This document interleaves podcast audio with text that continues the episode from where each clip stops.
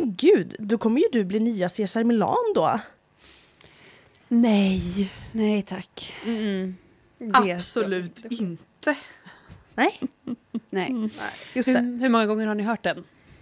Alltså det är verkligen skrämmande många gånger när, när det pratas om utbildningen. Det är typ det första man får som kommentar när man berättar att jag läser djurpsykologi. Ja, Då får man den kommentaren. Ska du bli nya Cesar Milan? Ja. Ja och jag eh, häpnas varje gång av det. Okunskapen som folk besitter. Ja, Mm, alltså faktiskt. verkligen. Det är ju verkligen ett kvitto lite grann på det ju. Han har ju ändå varit en guru på ett sätt. Alla vet vad man är om man Ja. är inom hundvärlden. Alla Typ har tittat Typ på The Dog. Ja, Mm. det är med. också, alltså, Men speciellt inom djurvärlden. Ja. Alla vet vem Och det är Cesar Milan är. Lite problematiskt, skulle jag säga. Ganska mycket. Det är ju väldigt problematiskt. Och det kommer vi ju gå in på i det här avsnittet. Inte just varför vi kanske inte ska bli nya Cesar Milan, men lite grann vilka träningsmetoder han använder och varför vi... Inte bara han, utan det är väldigt många som eh, man ser lite över sociala medier som Mm. använder de här träningsmetoderna. Mm. Och vi kommer ju också gå in på varför det kanske funkar Mm. och varför det kanske inte är så bra. Verkligen, varför det inte är bra fastän det funkar. Ja, mm. Verkligen, det är jätteviktigt. Men idag i studion. Jag full studio. Full studio. Gud, vi är så duktiga den här säsongen. Så mysigt. Det är det enda jag säger också varje gång vi är i full studio, att det är så mysigt. Men vi är då alltså Linan. Mange. Hasse. Och Moa. Nu kör vi!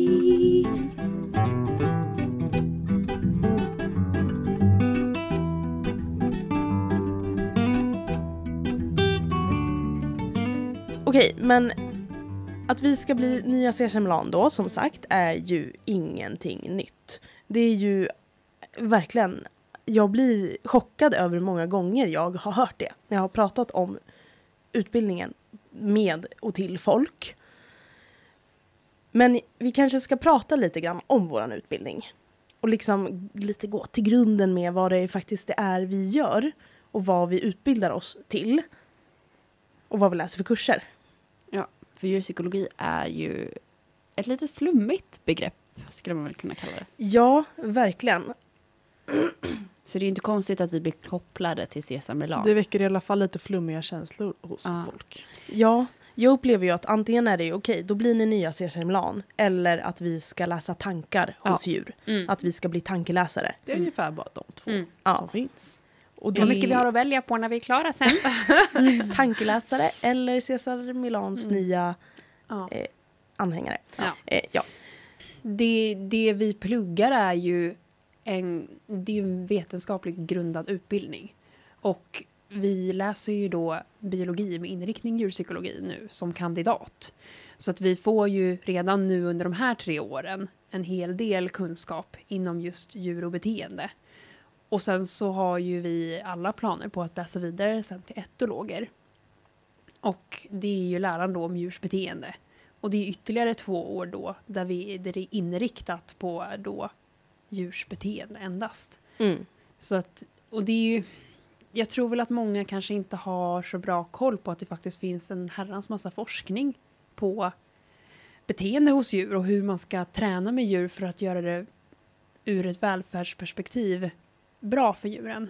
Det är ju det lite våran utbildning går ut på, att vi ska lära oss ur ett välfärdsmässigt perspektiv. Också vad den här podden går ut på, att vi ur ett välfärdsmässigt och liksom etiskt korrekt sätt lär oss om djur och Mm. djurs beteenden och varför beteendena faktiskt framkommer och hur man då kan göra för att hjälpa till. Utan Verkligen. att på något sätt bestraffa djuren. Exakt. Mm. Verkligen. Och när det kommer till liksom kurssammansättningen som vi läser så är det ju många som, upplever jag då, som förvånas över vilka kurser vi faktiskt läser. Det känns som att många tycker att det blir väldigt diffust och väldigt fjantigt på något Mm. sätt. När man säger att man pluggar något som har med djur att göra. Att deras tankar på något sätt går lite grann till att ja men okej det är liksom man, det är praktiskt man sitter och klappar på lite djur och säger att allt ska bli bra typ. Mm. Ja, det så. är lite den känslan man får när det egentligen är vetenskapligt grundat och vi sitter och läser om studier som görs och eh, empiriskt testas Mm. för att säkerställa att vi tränar på etiskt korrekt sätt. Jag tror folk ser ofta den här terapisoffan framför sig. Mm. Mm. Mm. Att vi kommer ta in en hund eller häst på något vis och Mm. att vi ska Prata. prata med dem. Mm. Mm. Se vad de säger till oss. Mm. När det finns en hel vetenskap bakom det med inlärningsteorier och hur saker och ting funkar. Mm. Och det är fruktansvärt intressant att lära sig om. Och det är ju någonting som även går att applicera på människor. Men det är kanske inte så jättemånga som har koll på inlärningsteorierna. Det mesta forskningen gör ju på djur Mm. innan vi går över till människor. Så Exakt. det är ju, vi har ju en väldigt bra förståelse. Det är bara att den inte kommer ut genom en man. Liksom. Verkligen, och det tycker jag är jätteviktigt att verkligen trycka på. Att nu, nu är ju vi alla här emot forskning på djur som inte är bra forskning så. Men allt man vet om människan kommer ju från forskning på djur. För att man har inte brytt sig om djur innan etiskt sett då. Så då har man ju känt att det är fritt fram att forska på djur då. Men precis som du säger Moa, det är ju nästan mer säkerhet i att då applicera det man vet idag på djur som ju faktiskt, där kunskapen faktiskt kommer ifrån, från början. Och jag tänker också på det här med människan, att vi lär ju faktiskt oss också, vi läser ju mänskliga psykologikurser som man då Mm. kan applicera på djur, men vi lär oss ju också om människan. För som vi försöker liksom förmedla så är det ju ofta människan som behöver hjälp och stötta sitt djur. Mm. Och då behöver vi som faktiskt skulle kunna hjälpa till med det här i framtiden kunna prata med ägaren på ett sätt så att ägaren faktiskt förstår. Så Vi har ju läst massa kommunikationspsykologi. Mm. Verktyg för att kunna få hjälpa djuret Ja. genom människan. Exakt. Mm.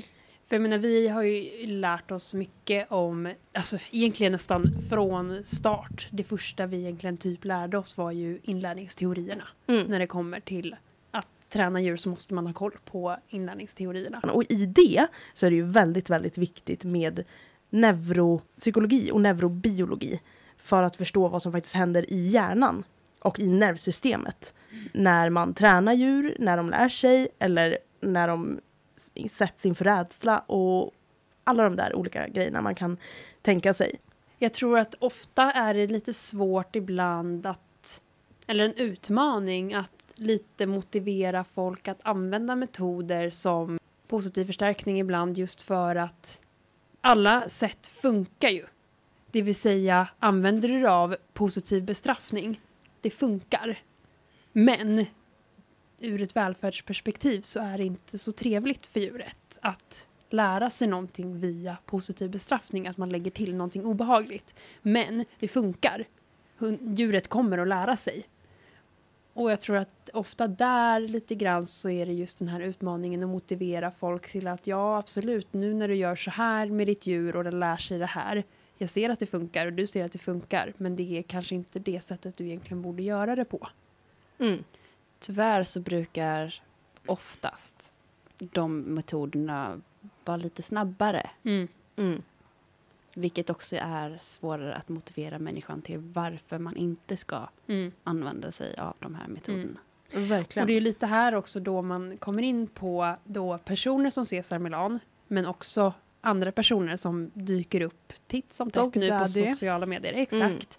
Bland annat. Eh, bland annat. alltså. Eh, det är mycket personer där ute man ser klipp från och det är ju ett ypperligt sätt att få ut sitt företag och så vidare om man nu tränar djur. Eh, att använda ett sig sociala ypperligt sätt medier. att få ut fel information. Exakt. Och jag tror att lite den här med att det oftast går väl lite snabbare att lära djur med hjälp av hårda metoder så är det ju ganska tacksamt då när man ska visa upp det här i sånt format. Mm.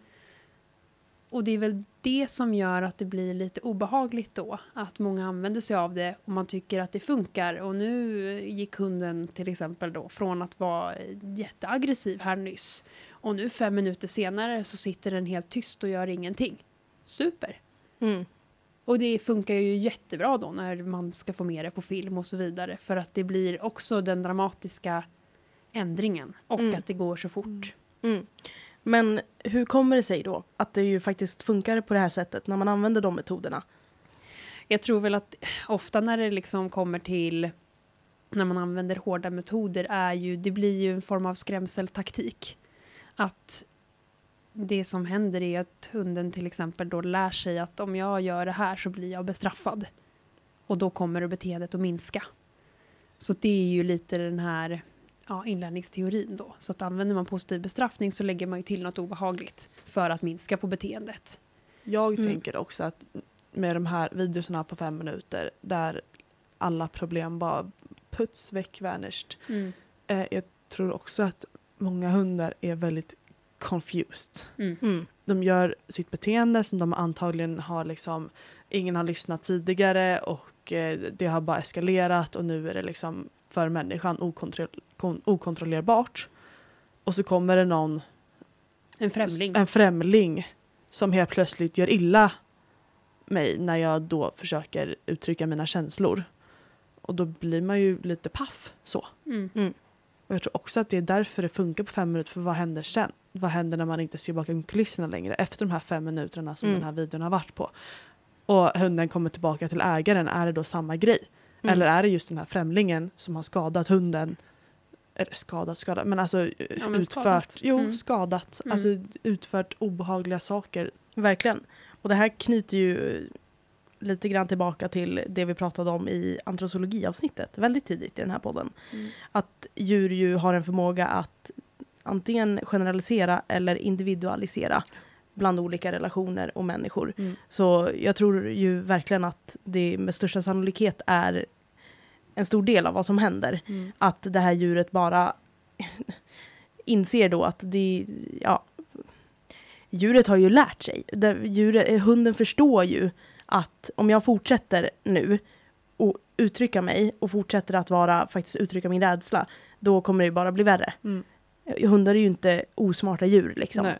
Det går ju ganska snabbt att lära sig när det kommer till väldigt intensiva och obehagliga känslor. Mm. Det är ju precis som hos människan och hos typ alla andra djur också. Men sen så finns det ju också just det här begreppet flooding. Det har vi nog kanske också pratat om också lite pratat om tidigare. lite kort. Mm. Och det är ju när det faktiskt konkret blir en överbelastning på, på nervsystemet. Att det är, helt plötsligt är det fysiskt omöjligt för individen att fortsätta för att nervsystemet är överbelastat. Mm. Och här hamnar ju individer i ett typ av depressivt tillstånd.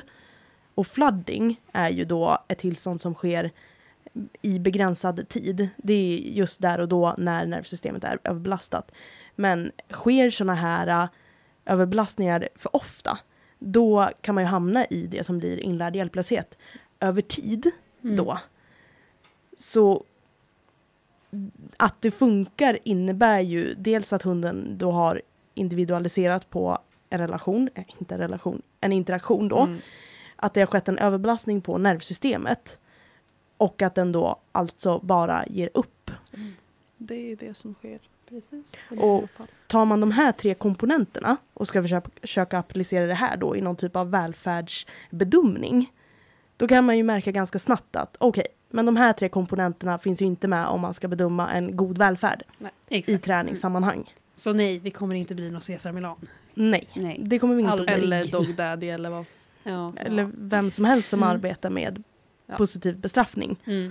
Nu har man ju dock mest Cesar Milan för att det är ett så känt Mm. namn och han Ja. har varit känd så länge. Mm. Och, att det är det vi får höra, bokstavligt talat. Men också att han finns på varje, alltså hans program finns ju som så på varje streamingtjänst så. Mm. Alltså och National Geographics. Mm. Mm. Och det är fruktansvärt.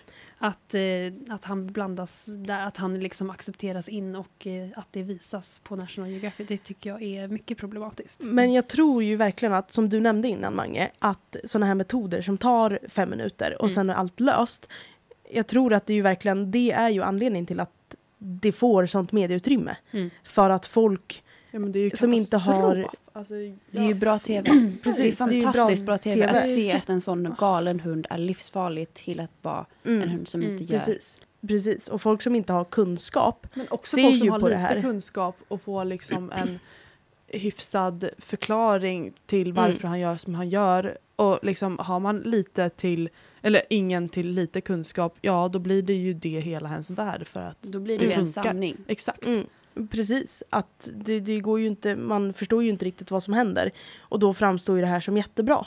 Och det är väl därför många anammar de här typen av metoder, för att det ju faktiskt funkar så snabbt. Men det är också här det viktiga kommer in i att faktiskt förstå, förstå vad som händer i hunden. Och just det här med den nervsystemets överbelastning. Det är ju ett fysiskt fenomen som ju således skapar ett psykologiskt fenomen. Jag tänker Det bara för att det fungerar för oss människor så är det ju kanske inte så att det fungerar för hunden. Mm. Det fungerar för att den inte får fler obehagliga det möten med precis. människan. Men det är ju inte så att hunden kanske mår bra. Nej, för det är ju just det. Att det är såklart att det funkar. Och det är ofta där jag fick... Alltså det är mycket frustration från, från min sida just för att folk är sådär bara, men det funkar ju. Men just det här att det är skillnad på att det funkar och det är bra. Mm. För det finns andra metoder man kan använda sig av när man har en hund som är rädd och uttrycker i aggression. Att träna med den hunden. Det finns olika sätt att göra det på. Och alla sätt är inte bra. Och som vi, du Moa sa tidigare också att, okej, eller vem var det som sa det? Ja men i alla fall, hur, hur blir det, var det du Hasse? Kör. Hur blir det sen i alla fall efter det här tillfället det med den här främmande personen? Mm. Ja, antingen så blir det ju, s- största sannolikheten är ju att det blir ju värre för den här hunden då. Att om man ska koppla tillbaka till förra avsnittet, att det ju har skapats ett trauma. Eller till och med kanske PTSD. Och då kommer ju hunden att inom citationstecken bete sig därefter för att den har så mycket rädslor i kroppen. Men de hundarna som faktiskt fungerar, om man ska säga så, efter det här, efter de här träningstillfällena eller vad man ska säga, det är ju de som faktiskt har hamnat i det repetitiva mönstret av fladding och sen bara permanent inlärd hjälplöshet. Så de allra flesta hundar som faktiskt funkar efter det här är ju förmodligen deprimerade. De upplever depressiva känslor.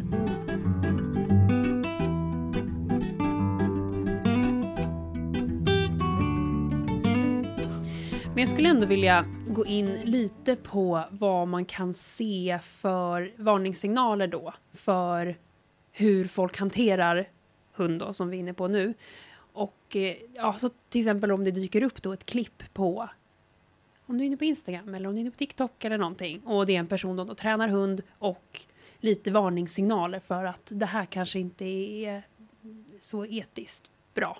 Jag tycker ändå att det är viktigt att lyssna lite på vad de använder för språk. Om de nämner ledarskap, Mm. liksom lite röd flagga så.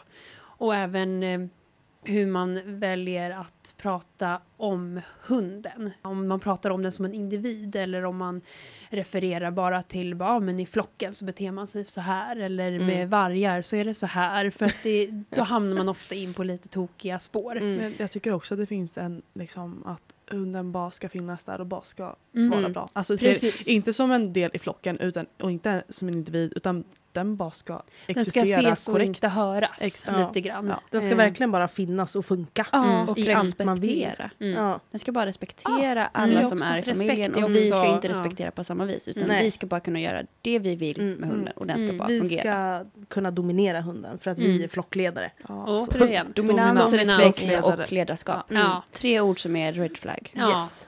Så mycket. det kan vi ändå, sitter vi här och säger, men om det är så att Submissive. någon där ute, ja Mm. precis. Precis, Om det är så att någon där ute söker, är liksom ute efter en tränare, Mm. försök att se om den här personen använder de här orden. Och gör den det, försök reflektera lite mer över vilka metoder som faktiskt används Mm. innan du tar hjälp. Mm. För det är, eh, det är tre begrepp som faktiskt ju kan påverka välfärden negativt när man tränar djuren sen. Mm. Utan att det är så mänskligt fundat, de Mm. begreppen. Verkligen. Och det är ju mycket, många beteenden generellt som vi ju etiketterar ur människans syn på det hela då. Mm. Att vi säger att nu är djuret frustrerat till exempel. Eller nu är den så här och så här. Okej, men vilka beteenden är det som du faktiskt ser? Mm. Hur kan du bedöma djuret som frustrerat? Och det här gäller ju då inte bara hund egentligen, Precis. utan det är ju alla djur. Alla djur. Och sen också lite vad man använder för typ av redskap. För man får ju upp ändå en hel del klipp som är från andra länder och så vidare där det finns lite andra regler kring vad man får använda på djur.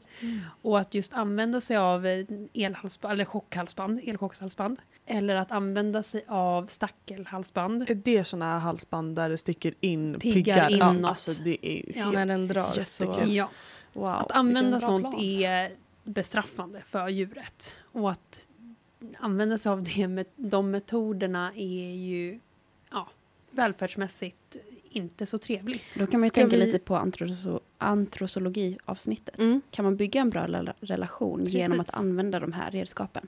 Mm. Jätteviktigt och jättebra att Mm. tänka. Nu är ju sådana stickelhalsband olagligt i Sverige. Mm.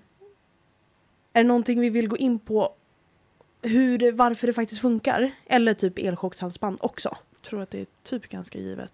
Fast jag tror inte det. Nej. För jag kom in på en sån här sida om, som säljer antiskallhalsband Mm. då.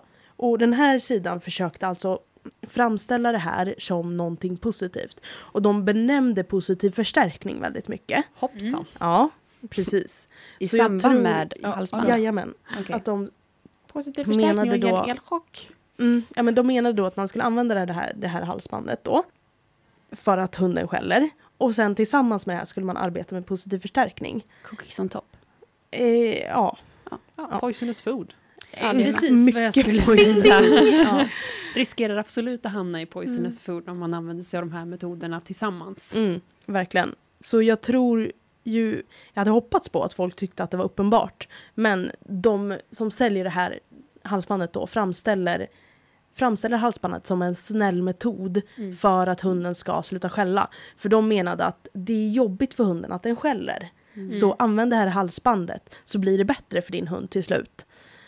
Och anledningen till att det ju faktiskt funkar är ju på grund av obehag. Mm. Och här någonstans måste man ju faktiskt backa lite grann när det kommer till värderingsfrågor. För här får man ju verkligen titta på mekanismerna om varför funkar det eller varför funkar det inte. Mm. Så här kan man ju inte bara, fast jag tycker att det är en bra metod. Ja, det kan man tycka. Fast anledningen till att det funkar är att den här elstöten då, eller vibrationen eller vad det nu är, är ju så pass obehagligt för hunden att den väljer att inte skälla något mera. Mm. Och så är det ju. Och det går liksom inte att lägga en värdering i det. För det går ju inte att få ett sånt, en sån typ av respons från en hund till att värdera det som människa som någonting positivt som den upplever. För hade den inte upplevt det här som negativt, då hade den ju antingen fortsatt utan att ändra sitt självbeteende, eller så hade ju beteendet faktiskt ökat. Att hunden ökade beteendet. Och det är ju så här inlärning fungerar. Och någonstans får man ju backa då, när man bara tittar på mekanismer i värderingen. Exakt. För det blir ju, man får ju särskilja dem såklart. Att liksom vad som är inlärningste- inlärningsteori då. Alltså varför en viss typ av inlärning funkar. Mm. Man får börja där lite grann. Okej, varför funkar det här eller varför funkar det inte? Och sen så får man gå vidare till att applicera hur är det här ur ett välfärdsperspektiv om vi applicerar det på inlärningen. Mm. För att jag menar, det är såklart att du kan det för många går att träna bort till exempel att hunden skäller med hjälp av då, som i det här fallet, positiv bestraffning. Men det finns andra sätt att lära bort det på som inte bygger på obehag. Mm. Och då är det ju lite den värderingen man lägger i vad som är då bäst för djuret. Jag tänker att det är ju lite det som är det viktiga och det som faller bort. Att vi glömmer bort hur upplever djuret det här. Mm. Exakt. För det fungerar ju, Mm. men hur upplever de det? Mm. Och det är det som jag tycker är så viktigt med just det här med när man pratar om in, olika sätt att lära in. För att det är liksom såklart att det funkar för det bygger på inlärningsteorier. Men alla sätt att lära in är inte snälla metoder. Alla är lika effektiva, men Ja. alla är inte lika snälla. Exakt. Jag kommer ihåg, eller alla här följer ju Renate då. och tycker att hon är väldigt duktig. Renate Larsen. Eller, Exakt. Mm. Och hon la ut på sin Instagram, hon håller ju mest på med häst då, men hon la ut på sin Instagram att det finns liksom ingenting som är magi när det kommer till att träna djur. Utan alla tränare och alla olika metoder bygger på någon av de fyra inlärningsmetoderna. Med liksom en liten twist kanske. Så alla de här, ja, Tristan Tucker, eh, Parelli och natural horsemanship och alltså alla de typer av inriktningar bygger ju på någon av de fyra inlärningsmekanismerna. Mm. Det är liksom inte magi bara för att det kommer en medieprofil och säger att så här ska man göra. För det här är det absolut bästa sättet och det här är jättebra. Det är en av de fyra inlärningsteorierna och så är det alltid. Jag kan tänka att det är också en liten röd flagga faktiskt. Om Mm. inte tränaren vet vilken inlärningsmetod den använder, Mm. då kanske man bör fundera lite Mm, på dess trovärdighet. Den Mm. kanske är jätteduktig, men den kanske inte har koll. mm, Precis, för ofta är det ju, för där tycker jag att du är inne på någonting som är väldigt viktigt som man ofta lite förbiser. För att istället för att förklara vilken inlärnings eller vilken inlärning, vilken inlärning man använder när man tränar. Många av de här personerna använder istället andra sätt att förklara det här genom att säga, till exempel om det är en hund, ja, så här gör mamman med valpen. Eller så här gör de i en flock för att markera att det där är inte rätt beteende. Eller så går man på sin energi. Mm. Att det är min energi som gör att hunden blir så här. mm, Mm. Det är därför jag kan lösa problemet. Mm. mm. För Och det- utstråla den här energin. Mm, verkligen. Och det är ju någonting man kan marknadsföra och framställa. Men i själva verket så är det ju andra saker som sker under träning som man ju måste kunna identifiera för att inlärning sker ju inte. Det är ju inget hux pux hux flux. Det är är, ju mekanismer. Nej, Mm. precis. Det är ju faktiska fysiska fysiologiska mekanismer som ju Mm. sker. Cesar Milan, han bara min lugna energi är så hög så att den överträffar hundens stressade energi. Ser du nu hur lugn den blir med mig mamma? Det, Om hunden är så här ju- stressad, då måste jag vara så här lugn. Samtidigt som jag är så här lugn. Ja, alltså, jag blöder på handen för hunden vet mig men jag är så här lugn. Och så ser man hur han bara spänner blicken i hunden. Man bara, ja du är jättelugn. Ja, jag fullföljer alltid. Jag såg inte att det här skulle hända. Man bara... Jag dör.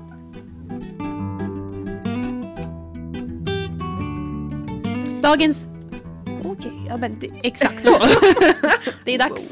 Det är dags nu för en dagens... en dagens. Eh, ja, En för dagens att vad? bryta... Eh, inte ens bryta av det. En dagens, eh, dagens fråga Fundering, slash diskussion. fundering slash diskussion. Ja. Vi har fått en fråga från en av våra lyssnare eh, som jag har diskuterat lite med fram och tillbaka. Och den här diskussionen har då, handlar om eh, hundar som sover i sängen. Mm. Eh, och att eh, den då har hört om flera hundar som typ blir eh, beteendeförändrade och lite mer typ aggressiva i sitt sätt efter att de får sova i sängen. Vad tycker vi om det här? Långsökt. Det känns Ja. som att man försöker lösa problemet kortsiktigt. Utan att Mm. egentligen lösa det. För Känns att det det kommer som inte att man hända försöker någonting. bara hitta ett problem som Alltså inte ens är exakt, ett man problem? försöker hitta en, Eller en alternativ sanning. Mm. Nej, men- Ja, ja men Mm, en typ alternativ alternativ sanning. sanning. Alltså jag tänker så här. Att jag tror absolut att folk kan uppfatta det som att det sker en beteendeförändring. För just när det kommer till att sova och vila och hit och dit. Det är ju någonting som en hund ju faktiskt kan känna behov av att resursa. Mm. Och människor för den delen också. Så jag tror att många har problemet med att hundar ofta resursar sängen eller människor eller en människa som ligger i sängen. Men just det här problemet är ju inte på grund av att hunden får ligga i sängen. Utan det här problemet grundar sig ju i en otrygg miljö från första början. Där hunden ju faktiskt känner ett behov av att uttrycka sitt resursförsvar.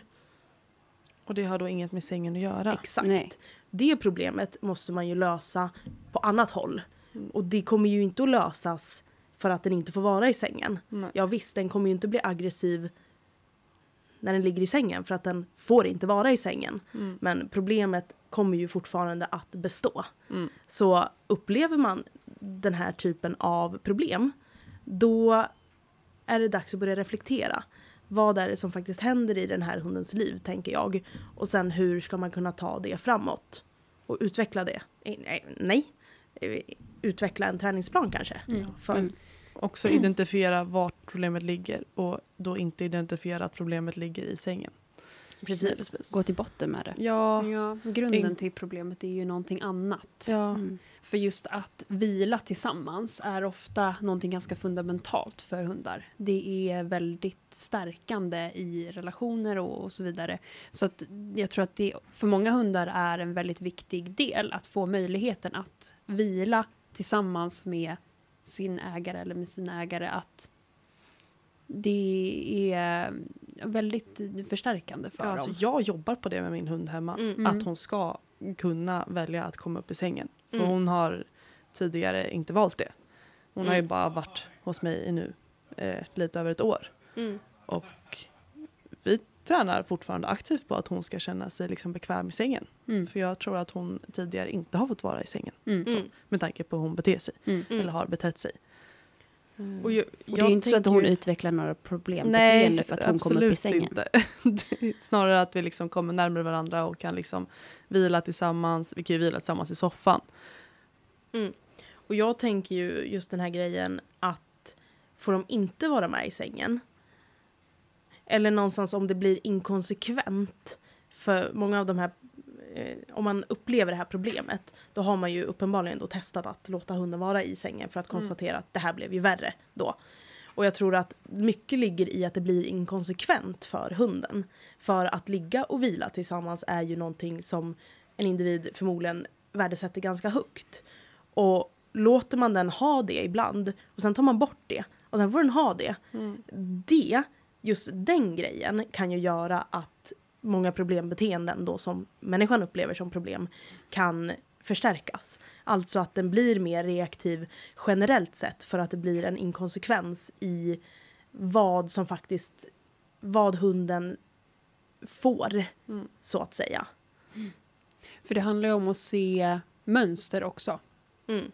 För att jag menar att hunden liksom är aggressiv till exempel då ute på promenad kan ju vara ganska svårt att koppla till att den inte får ligga i sängen. Tycker Det har antagligen har ingenting med det att göra. Eller att den får ligga i sängen. Ja, men Ja. precis. Mm. Att liksom det där, att hitta en korrelation där, väldigt svårt. Ja, alltså jag känner Det- att den korrelationen existerar inte. Sen om du som liksom person inte vill ha hund i sängen när du sover. Mm. Det är ju upp till er då i hemmet. Mm. Så. Mm. Men korrelera inte det till att hunden är aggressiv ute för det finns ingen korrelation Nej. där som man precis sa. Det och finns en annan ja. korrelation i det som kommer in Mm. och stör. Och då Ja, tror man att man precis. kan koppla det. För att på någon kanske det kan fun- fungera att man tar bort sängen för hunden och då kanske man får ett annat beteende. Mm. Men det är ju något annat som händer på vägen. Mm. Mm. Det är ju det inte som- sängen. Precis, och det som korrelerar skulle jag säga i det sammanhanget är absolut, har ingenting med sängen att göra utan det är ju osäkerheten. Mm, För att jag menar om den uppvisar eh, aggression ute på promenaden så har ju det att göra med osäkerhet. Likadant som då, som Lina var inne på med att det blir, kan bli lätt inkonsekvent då att man märker att oj hoppsan, aggressiv hund i sängen, då får du inte vara i sängen. Att det skapas osäkerhet på olika ställen Mm. och det är det som då visar sig i aggression. Man kan ju lätt också förvärra det här med just för som sagt, att vila tillsammans är ofta väldigt viktigt för många hundar som har ett behov av att vara nära. Och att då utesluta dem från att de inte får vara med i sängen på natten, då kanske den helt plötsligt eh, blir, att det blir viktigt då att den får vila tillsammans under dagen vid något tillfälle. Och att då kan den ju istället börja resursa den vilostunden. För Mm. att den får ju inte tillgång till vilostunden tillsammans på natten. Att det lätt förvärras av att hunden märker att ja, det, det var jobbigt i den här stunden när vi skulle vila och jag ville jättegärna vila tillsammans. Mm. Och nu då när jag får tillfälle att vila här bredvid den, om man till exempel är då två personer som har hunden, att ja men nu vilar ju vi två tillsammans här och nu kommer du, ska du då ta bort mig som ni gör på natten vid säng? Alltså att Mm. det liksom, problemen kan liksom eskalera Det kan de göra. För att just man skapar en Verkligen. osäkerhet Mm, det ju. hos hunden. Mm. Jag tror ju att det definitivt kan vara eller jag tänker att de problemen man kanske upplever om det är så Mm. är ju snarare en brist i relationen då Mm. som man ju har och att relationen faktiskt ju kan påverkas om man stöter bort en individ som faktiskt vill ligga i sängen Mm. och att det för hunden blir en så pass stor påfrestning på relationen att det blir en ond cirkel. Alltså Mm. hela livet, om man säger, blir ju lite mer triggande om relationen är inte, inte så bra, om man säger. Det här sker ju dock inte i alla fall heller. Nej. Nej. Eh, Men det de måste som vi också vara noga med att säga. Ja, exakt, Mm. de som upplever de här problemen. Mm. Det här är banor man kan tänka i om man vill. Ja men exakt. Jag tänker Men man jag måste gå tänker- till grunden till varför en resurs är. Ja. Precis. Och jag tänker så här också. För det är ju helt okej att inte vilja ha en hund i sängen. Mm. Det är ju helt upp till en själv. Men det som är väldigt viktigt här att tänka på är ju att på ett bra sätt då, välfärdsmässigt bra sätt, då vill man ju försöka öka motivationen för hunden att faktiskt ligga på golvet och sova. Och då får man ju Eller tänka din egen därifrån- säng möjligtvis kanske.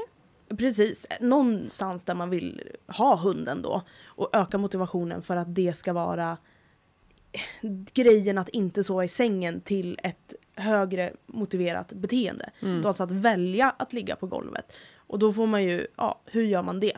Jo, antingen då man har en valp som man har bestämt sig för att man inte vill ha hund i sängen. Mm. Då från, från och med att den är valp, då ska man antingen ligga på golvet då som du Moa sa när vi pratade, inte i podden, men för några dagar sedan. Mm. Att man kanske själv lägger sig på golvet och sover i början för att sen trappa upp och sen ligga i sängen då. Mm. Eller bara generellt ha någonting gott att tugga på på golvet. Alltså vad som helst som bara ökar motivationen att vara kvar där. Istället för att ha en individ som väldigt, väldigt gärna vill vara i sängen och vill vara nära men att den begränsas på det. För här blir det ju en typ av bestraffning i livet. Det blir ju negativ bestraffning att man frånhåller individen det den vill ha. Mm. Och sen så blir ju det här kanske inte applicerbart i ett inlärningssyfte på det sättet. Mm. Men det är ju ändå bestraffande för att inte få vara med eller vara nära sociala relationer som den värdesätter. Och det är ju faktiskt vad som händer.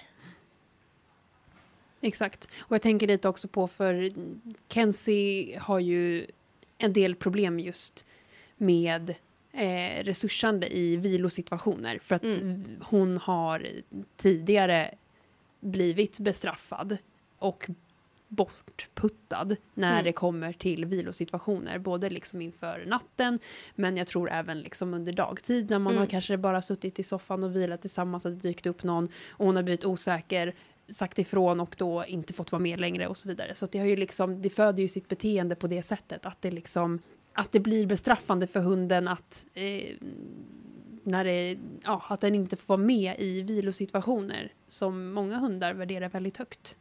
Mm, verkligen. Och då kan vi ju ge, göra det här till ett praktexempel då. Mm. För när vi skulle ta över Kenzie då så meddelade personen innan som hade henne då att hon kunde resursa sängen. Mm. Och vi var så här, okej, då får vi se hur, hur det artar sig liksom. Och helt rätt, det gjorde hon med oss också till slut. Men så som vi löste det var ju att välkomna henne ännu mer in till sängen för att det ska inte finnas, hon ska inte behöva känna behovet av att resursa det här. För grunden ligger ju i att hon var ju rädd att hon inte skulle få vara med oss. Mm. Det var ju hela problemet. Mm. Så, så vi löste det var ju att vi antingen gick vi liksom och la oss tillsammans allihopa. Mm. Så att det inte blev den kontrasten i att okej nu ligger Kenzie och en av oss där Mm. och så kommer den andra. För i den situationen har hon nog många gånger blivit nerknuffad. Mm. Så vi bestämde oss för att men nu går vi och lägger oss allihopa samtidigt. Mm. Bara. Så att det blir som en rutin och en grej att det här gör vi som en familj lite grann så. Och det har ju löst många problem. Mm. Och också någon gång när hon har varit väldigt stressad över att båda vi har legat i sängen så har ju en av oss gått därifrån. Så att hon har kunnat bara kunna få landa i att okej, men det var inte jag som blev bortknuffad Mm. utan jag visade respekt för henne, okej men då lämnar jag här. Mm. Så att du kan få komma ner i varv och sen kommer jag tillbaka. Mm. Det har också funkat otroligt bra för henne. Mm. För att många av hennes beteenden var på grund av att hon har nog blivit utsatt för att bli ner, nerknuffad liksom. Och nu resursar hon ju inte whatsoever. Nej. För att hon är så pass trygg i att hon kommer få vara precis där hon vill Mm. när hon ska sova. Och idag så väljer hon ju att sova på golvet för att det ju förmodligen är mer bekvämt. För att hon inte känner behovet av att resursa Mm. sängen på det sättet. För hon vet att om hon vill då får hon komma, komma upp till oss liksom. Ja men hörni, då är det dags för oss att bli nya Cesar Milan då. Nej, Nej, alltså, inte. det är en av de grövsta förolämpningarna skulle jag Ja. säga. Så Ja, det har ju blivit lite utav ett hävdaravsnitt här. ja. Vi har behövt hävda våran icke-existens som Cesar Milan då.